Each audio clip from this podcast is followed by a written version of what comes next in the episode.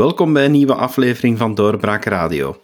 Mijn gast vandaag is Christophe Hendricks, werkt in, het, uh, in de denktank Eleni, uh, gespecialiseerd in uh, zaken zoals transport, mobiliteit en energie. En net omwille van de energievraagstukken die er momenteel zijn, heb ik hem uitgenodigd in onze virtuele studio. Welkom. Dank je, David. Blij maar te zijn. Beste Christophe, Energie, zoals ik zei, momenteel natuurlijk hot topic, eh, heet van de naald. Eh, je hebt daar al een aantal columns, eh, een, een opiniebijdragen over geschreven. En daaruit leid ik af dat je toch eigenlijk wel, wel zegt: oké, de, de prijsschokken die er nu zijn, die, die zijn eigenlijk niet zo helemaal onverwachts volgens jou. Nee, nee, absoluut niet. Um, we zagen eigenlijk al uh, een klein voorproefje bij de UK, laten we zeggen, vorig jaar. Toen dat zij uit, die, de Europese Unie stapten, werden zij toch gevoeliger eigenlijk voor, voor uh, supply interrupties. En dan zag je daar in één keer in een, in een, uh, in een westers land terug uh, grote files ontstaan langs tankstations, omdat die niet bevoorraad geraken. En allemaal omdat er ene component van heel dat complex supply systeem uh, ja, onder druk komt te staan. Hè. Dat waren toen de vrachtwagenchauffeurs. Hè. Dus je ziet, uh, en, en dat kan een enorme chaos veroorzaken. Dus, dus dat heeft mij ook terug aan het denken gezet, maar dit is niet het enige. We zien, zien die, die dingen zijn, zijn natuurlijk al in de geschiedenis nog herhaald. We zien ook uh, de, de, de schokken die hier gebeurd zijn in de jaren zeventig. Maar het feit is dat wij in een samenleving leven waar alles hard gaat, waar dat wij zeer veel energie nodig hebben en waar dat kleine interrupties ineens zeer grote effecten kunnen hebben. En, um, en uh, dat, is, dat, is interessant om te zien. En, en dus, we, zien nu een herhaling voor een stuk door het gas. Dus we hebben onszelf eigenlijk afhankelijk gemaakt van aardgas. Het is eigenlijk ook niet, niet verwonderlijk. Het is een, uh, een heel nuttige uh, fossiele brandstof aardgas. Hè. Het is een zeer eenvoudige uh, organische moleculen. Ze verbrandt schoon en ze is zeer gemakkelijk en tegen een zeer lage kost te winnen uit ons buurland. Allee, zeg je toch, enigszins buurland Rusland. Het probleem is dat we daar zelf zeer weinig van produceren. En als ineens die gaskraan toedraait, ja, dan, dan je verandert niet zomaar direct een heel systeem. Hè. Uh, en wat we dan ook zien, is dat dan de, laten zeggen, die, daar, daar kruist eigenlijk het beleid van, dat we zouden zeggen een groener beleid is, hè, dat we dat toch meer gefocust op hernieuwbare energie, en één waar dat je je energieafhankelijkheid, waar dat je eigenlijk uit nationaal, een nationaal gericht beleid, dat eigenlijk zegt van kijk, we moeten toch voorzichtig zijn met onszelf afhankelijk te maken van een land als Rusland, daar kruisen die elkaar voor een stuk. Hè. Niet volledig, maar er is, er is wel een overeenkomst. En die, eh, om te zeggen, die, die gasprijs is sowieso ontzettend boeiend. Hè. Um, ik denk in, in 2020, en weinig mensen realiseerden zich dat, waren de, de, de energieprijzen historisch laag. Um, de gasprijs is toen eigenlijk naar 2,5 eurocent per kilowattuur gedaald, wat zeer, zeer laag is. En daardoor komt deze schok natuurlijk nog veel, veel harder. Hè. We hebben um, de vorige recessies, de vorige economische recessies, was een opvallend fenomeen dat um, als die economie vertraagt, dat onmiddellijk die prijzen, die energieprijzen beginnen mee te dalen. Omdat er eigenlijk een overschot is aan, aan aan supply van, van die energie. Dus je verandert die supply niet zo snel. Dus ineens is er een overschot op die energieprijzen zakken ineen en dat verlicht de recessie. Maar nu zitten wij in een systeem, nu die, die economische groei is terug enorm toegenomen, plus daar komen een heleboel factoren bij die gelinkt zijn aan, aan klimaatverandering, aan um, stress die er bestaat in het wereldhandelssysteem, nog altijd door COVID. En nu komt daar Rusland bovenop. En dan in één keer blijkt dat wij, dat wij tegen, met onze rug eigenlijk bijna tegen de muur staan. Want we kunnen bijna niet anders dan nog, dan nog gas invoeren van, van, van Rusland, tenzij dat we een groot deel van onze bevolking, en zeker van onze arme bevolking, letterlijk in de kou zetten. Um, het is, het is een het is, een fascinerend probleem. Hè? Want er zijn al, en dat is daarom ook dat ik mijn, laatste opiniestuk heb geschreven rond aan die, uh, toch, toch een idee van een koolstoftax. Dat, dat betekent daarom niet dat je per se de belastingen overal moet gaan verhogen. België kent al redelijk hoge energiebelastingen. Het punt is dat wij ze zeer inefficiënt toedelen. Uh, bijvoorbeeld de taxen op elektriciteit zijn nog altijd zeer hoog. Er staan uh, elementen in die elektriciteitsfactuur die, die ook niet heel transparant zijn. Een heleboel, uh, bijvoorbeeld service charges, publieke dienstverleningsheffingen, die, die eigenlijk iets onduidelijk is, dat stuk van de prijs, is dat een heffing. Dus, en, en eigenlijk remt dat, een, remt dat een transitie naar, naar, laten we zeggen, lagere koolstof, uh, of koolstofarmere um, technologieën af. Um, dus, maar, waarom eigenlijk, uh, daar, daar zit ik al met een vraag, waarom eigenlijk, en ik denk dat veel mensen zich dat afvragen, waarom is die elektriciteit dan een betere keuze, zeker als je zegt koolstofarm, want die elektriciteit wordt toch nu nog altijd heel vaak opgewekt ja, door gas en, en door energievormen die, die toch niet zo milieuvriendelijk en klimaatvriendelijk zijn.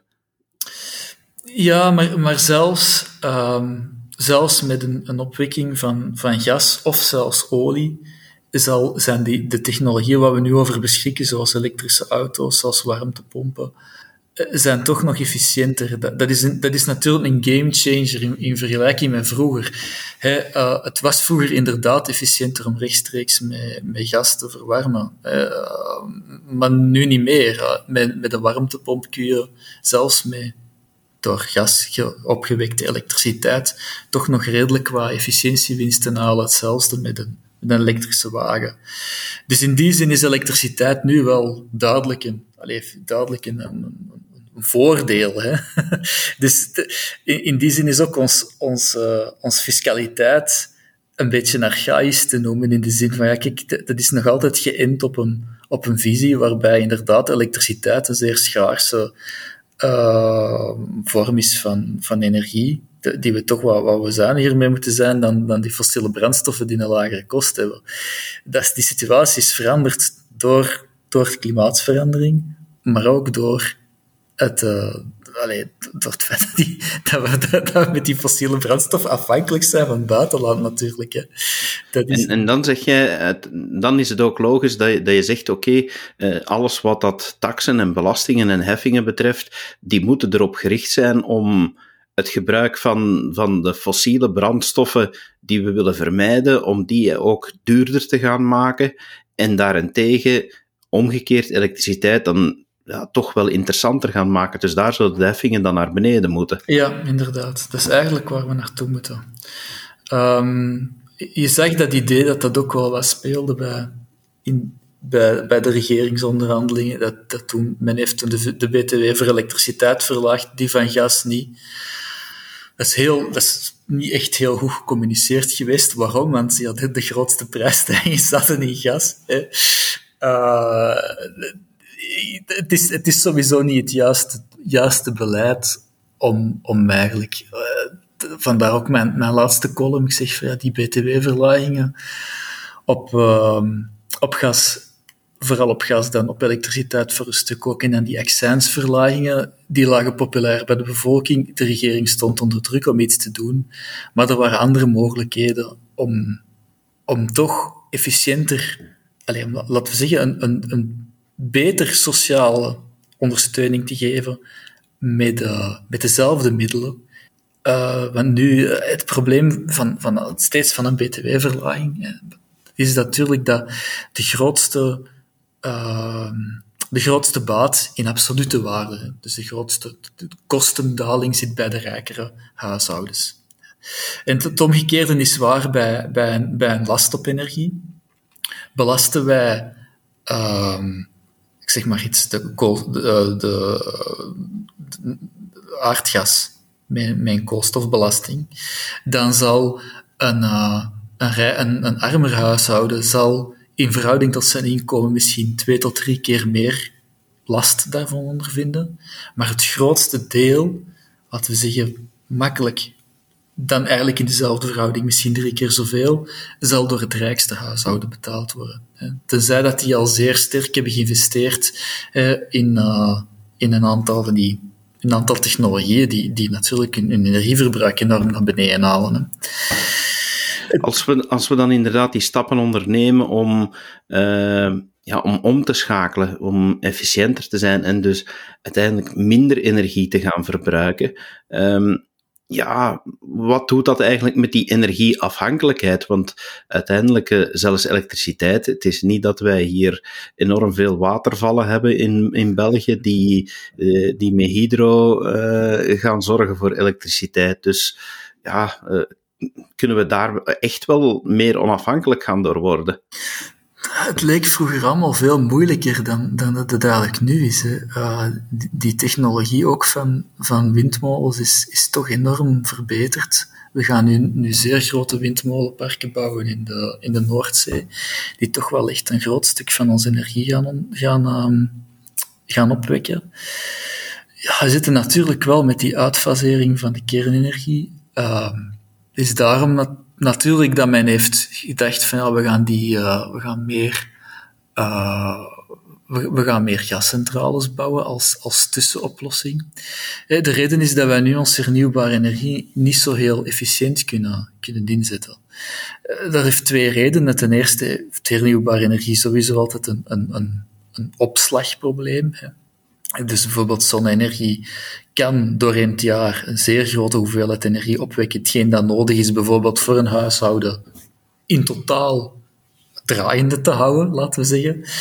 Maar natuurlijk zit je met nauwelijks opwekking in de wintermaanden. Iedereen die zonnepanelen heeft, die, ziet dat ja, die, die wintermaanden, dat, is zielig hè, wat er daar aan output geleverd wordt. Dus, dus dat overbruggen, daar heb je, daar heb je andere methodes voor nodig. Hè. Bijvoorbeeld een waterstofopslag, uh, bij, ja, of een zeer grote integratie van verschillende systemen doorheen, doorheen Europa. Dus dat is een... Uh, nu, is het, is het mogelijk? Het is allemaal mogelijk. Hè? Het is allemaal mogelijk. Maar wat er wel vaak meespeelt, hè, is ook dat er, dat er zeer veel restricties zijn om te kunnen beginnen aan iets. Er zijn bijvoorbeeld, probeer maar eens een windmolen op land te bouwen. ik geloof dat er uh, vorig jaar uh, maar 100 vergund zijn geraakt. Het gaat traag. Het gaat traag. En da daar zit natuurlijk ook een stuk politieke wil achter een stuk noodzaken. Zolang dat je, uh, ik weet niet hoe dat mensen zijn, zo, zolang dat je eenvoudig aan een andere methode geraakt, hè, of op een, eenvoudig aan een andere energiebron geraakt, en niks moet doen, gaat je als mens niks doen. Hè. Waarom zou je veranderen? Hè, als, het, is, het is toch allemaal oké. Het is natuurlijk totdat je dan in ene keer tegen de muur staat. En, en tegen de muur staan, in, in economisch gezien, bij onze energie, is niet moeilijk. Hè. Um, mijn, mijn voornaamste expertise is transport. En als je mij vraagt, ja, hoe afhankelijk zijn wij van buitenlandse energie, dan zeg ik ja, 97% En dan zou je zeggen, waarom 97% Want toch wel veel andere energiebronnen. We kunnen toch zelf elektriciteit opwekken. Maar dat komt als, wij produceren zelf geen olie. En al onze transport, 97% van ons transport is afhankelijk van olie. Draait die oliekraan toe en morgen valt de hele Belgische economie stil. Want om een economie draaiend te houden, heb je vrachtvervoer nodig. Zelfs met al onze dienstensectoren, maar die dienstensectoren hangen, hangen onrechtstreeks van die, van die, van die vracht af. Hè. Uh, wij ook, als elektriciteit uitvalt, hup, het is gedaan. Je kunt je niet meer transporteren naar je werk. Je kunt misschien nog iets van op afstand doen, maar dan werkt... Allez, dus heel onze economie hangt daar echt letterlijk van af nu. En daar een beetje van, van daarbij stilstaan, hoe, hoe fragiel dat, dat is, is wel echt een heel, heel belangrijke stap dat we moeten zetten. Uh, um, uh, dus ik heb twee grote opiniestukken gepubliceerd. Ik denk, het, het, laatste, het eerste was dan echt over die energieafhankelijkheid. En dan zie je ook duidelijk, ja, die, de economische groei die wij boeken, ik bekijk de jaren 70, 80 ten opzichte van nu, dan zult jij zien dat we per euro uh, binnenlands product, dat wij nu drie keer minder energie nodig hebben om die te realiseren ten opzichte van de jaren 80. Dus we hebben echt wel vooruitgang gemaakt. Dus, allee, er wordt soms zeer negatief over gedaan, maar ik vind dat wel een, als je dat bekijkt, is wel een, een, knappe prestatie hoor, dat er gebeurd is al, al door de, in Europa. zelfs de VS heeft diezelfde stappen gezet. Uh, ik zie een gestage afname van energieafhankelijkheid in de GDP. De vraag is nu, hoe, hoe zetten we de stap verder? Want we zien wel de laatste vijf à tien jaar dat er... We zitten wel wat op het limiet van het systeem. En daar, daar komen die... Daar, komt, daar kan eigenlijk alleen innovatie, publieke investeringen, doordacht beleid in, in, gaan, in gaan werken. En, dat, en, en die, dat doordacht beleid, dat, dat vooruitkijken, dat gaat samen met, met goed nadenken over fiscaliteit, dat gaat nadenken, dat gaat, gaat over onze veiligheidssituatie, dat gaat ook over eigenlijk economische groei realiseren op een, op, laten zeggen, duurzame manier. En, en dat, dat verhaal, denk ik, dat, dat wel kan, kan aanslagen. Bijvoorbeeld, ik geef nu het voorbeeld van een warmtepomp. Met de huidige fiscaliteit in België, zoals ze nu is, en zelfs, zelfs met de prijsstijgingen in, in aardgas die we gezien hebben, is een warmtepomp nog... Een warmtepomp is nu marginaal interessant. Voor die prijsstijging in gas was het sowieso een jet. Je kon eigenlijk geen internal rate of return hebben met een warmtepomp te installeren. Dus de enige manier om dat te realiseren is ofwel mensen die van hun eigen milieu bewust zijn en hebben vooruitgekeken van ja, waarschijnlijk zullen die energieprijzen stijgen, die dus het geld hebben en het vooruitzicht hebben gehad om daarin te investeren. Of mandatair, dat je echt moet verplichten, hè, bijvoorbeeld bij nieuwbouw, om een warmtepomp te installeren, want er geen andere opties is. Dus de enige manier nu om eigenlijk mensen naar die warmtepomp te duwen, want fiscaal is het niet interessant. Fiscaal is het nog het interessantste om met een met, een gasprijs, met, met gas te verwarmen of zelfs met hout. Dat is blijkbaar nog het. Daardoor zien we ook mensen die nu, eh, om, om, zelfs met die prijsstijging, nu terug naar stookolie of naar, naar hout teruggrijpen, omdat dat in, in verhouding nog altijd interessanter is dan, dan een warmtepomp, hè, waar je uh, extra investeringen in je huis moet maken, want niet elk huis is daarvoor geschikt of met zeer grote investeringskosten zit, die, die, die gaan van 15, 20, 30.000 euro. Dat is niet voor, mensen, voor iedereen beschikbaar. Hè, dat zitten we dus. Maar betekent het dan eigenlijk ook dat we ons stilaan moeten realiseren dat wanneer we naar duurzame oplossingen willen gaan, dat het ook sowieso duurder zal zijn? Groene energie zal altijd meer kosten? Dat is eigenlijk niet echt waar. Allee, um, niet over de algemene, niet, niet in het algemeen. Eh, we moeten ook denken, wat vinden we echt een dure kost? Ik, ik vind het interessant dat wij een deel van onze, laten we zeggen, onze energie, of toch een groot deel van onze energie, in, in de Vlaamse velden kunnen opwekken. En dat is ook hetgeen dat mijn collega van de Denktek, Johannes Lavene, zei. Kijk, waarom wij oogsten te weinig energie in, ons, in Vlaanderen. Hè? En hernieuwbare energie stelt dat ons in staat. En, en ja, oké, wie weet, die, de kosten voor windenergie zijn al vergelijkbaar iets, iets hoger dan deze van, van, van uh, uh, gascentrales of van, uh, of van zonne-energie. Zo, allez, laten we zeggen. Maar die, die kosten zijn enorm afgenomen. Terwijl dat van nucleaire energie zijn de kosten enkel toegenomen. Er is een soort negatief uh, leercurve bij nucleaire energie, waarbij blijkt dat elke nieuwe centrale die men bouwt, wordt duurder. Omdat men alsmaar nieuwe eisen stelt en omdat er alsmaar meer te weten wordt komen. Dus die, die kosten blijven, blijven stijgen. Dus we zitten ergens... Oké, eh, dus wat is, wat is echt kostelijk voor mij? Wat vind ik echt een kost? Is dat hier in Vlaanderen een nucleaire ramp gebeurt, waarbij dat we alles kwijt zijn, dat wij nu Rusland aan het subsidiëren zijn met miljarden euro's per dag. We financieren letterlijk de oorlog van Oekraïne, terwijl dat we ondertussen ook nog eens een keer hulpmateriaal daar, daar aan toesturen zijn. Hoe waanzinnig kan het zijn? En dat één kleine supply-interruptie, waarbij dat een stel vrachtwagens besluit, een stel vrachtwagenchauffeurs uit onvrede met sociale omstandigheden, kun je nog zeggen of dat terecht is of niet. Hè? In één keer dat systeem kunnen blokkeren en ervoor kunnen zorgen dat een stuk van het land lamgelegd wordt, omdat die, die tankstations niet meer voor, bevoorraad geraken. En dan denk ik van ja, wat is kosten? Onze, onze, we hebben zeer, we hebben onze huizen zeer lang nu, de, de laatste tien jaar, zeer goedkoop verwarmd met aardgas uit Rusland. Maar nu, nu in godsnaam, we spreken over, over, over energiekosten voor een standaard huishouden die kunnen oplopen tot 5.000, 6.000 euro per jaar nu. Dat is, ik, ik kan er zelfs nauwelijks bij. Dus het is ons dus zeer goedkoop op korte termijn, is misschien zeer duur op lange termijn.